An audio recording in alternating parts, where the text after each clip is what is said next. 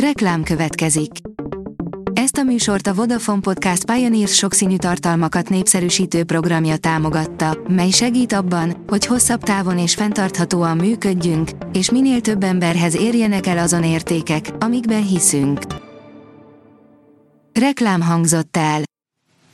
A legfontosabb hírek lapszemléje következik. Alíz vagyok, a hírstart robot hangja. Ma július másodika, Otto névnapja van.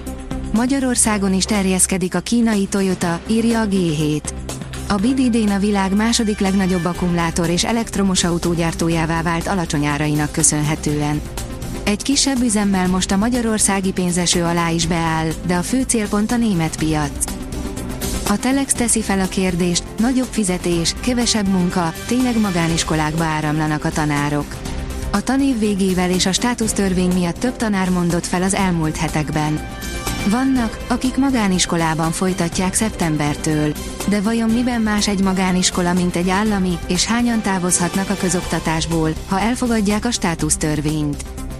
Azt mondják, vegyél állampapírt, közben lenyomják a kamatát. Ezerrel nyomja ránk a kormány az állampapírokat, de közben gyorsan bedönti az egyik népszerű lakossági papír kamatát. Most lesz igazán látványos, hogy mennyire agyonver minden mást az infláció követő papírhozama, írja a Forbes. Elegük van a turistákból az alpesi gazdáknak. A turisták viselkedése egyre inkább irritálja az alpesi szarvasmarhatartókat. A látogatók veszélyt jelentenek az állatokra és veszteségeket okoznak a gazdaságoknak, írja a Magyar Mezőgazdaság. A vezes oldalon olvasható, hogy kézben tartott mobilért már büntet a rendőr. Lecsap a törvény keze azokra az autósokra, akik vezetés közben a telefonjukat nyomkodják, egyelőre csak Michigan államban. Mindenki állva tapsol a forintnak, a világ egyik legjobbja lett a magyar deviza. A második negyedévben is folytatódott a forint diadalmenete, hiszen az első fél évben a magyar devizát csak a mexikói pezó tudta lepipálni az erősödésben. Az ok továbbra is az extrém magas kamat, az irányadó ráta csökkentésének megkezdésével sem indult gyengülésnek a forint, tartotta az erejét, hiszen még így is magas a magyar kamatszint, áll a portfólió cikkében. A fintek oldalon olvasható, hogy 1 milliárd dolláros fintek felvásárlás.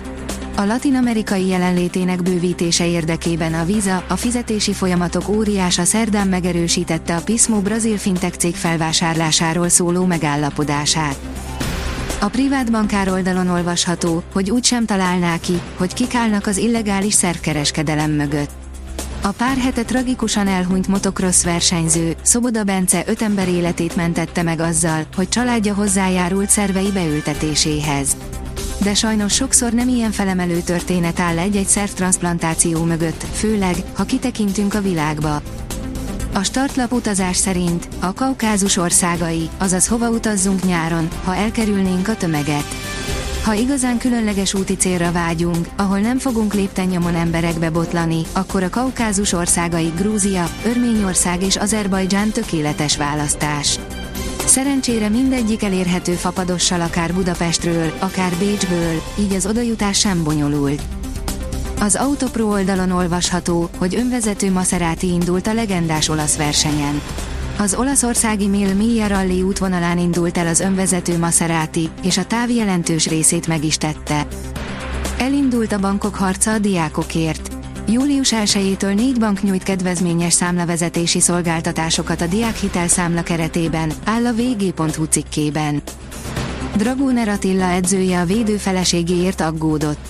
Az olimpiát is megjárt védő karrierjét meghatározták érzelmi alapon hozott döntései, áll a Magyar Nemzet cikkében. A sportál szerint Izrael és Spanyolország a legjobb négy között az U21-es Európa-bajnokságon. Izgalmakban nem volt hiány az U21-es Európa-bajnokság szombati elődöntőin, Izrael 11-es párbaj után búcsúztatta Grúziát, míg Spanyolország a 2x15 perces hosszabbítást követően 2-1-re nyert Svájc ellen. Viharos időnk lesz a jövő héten.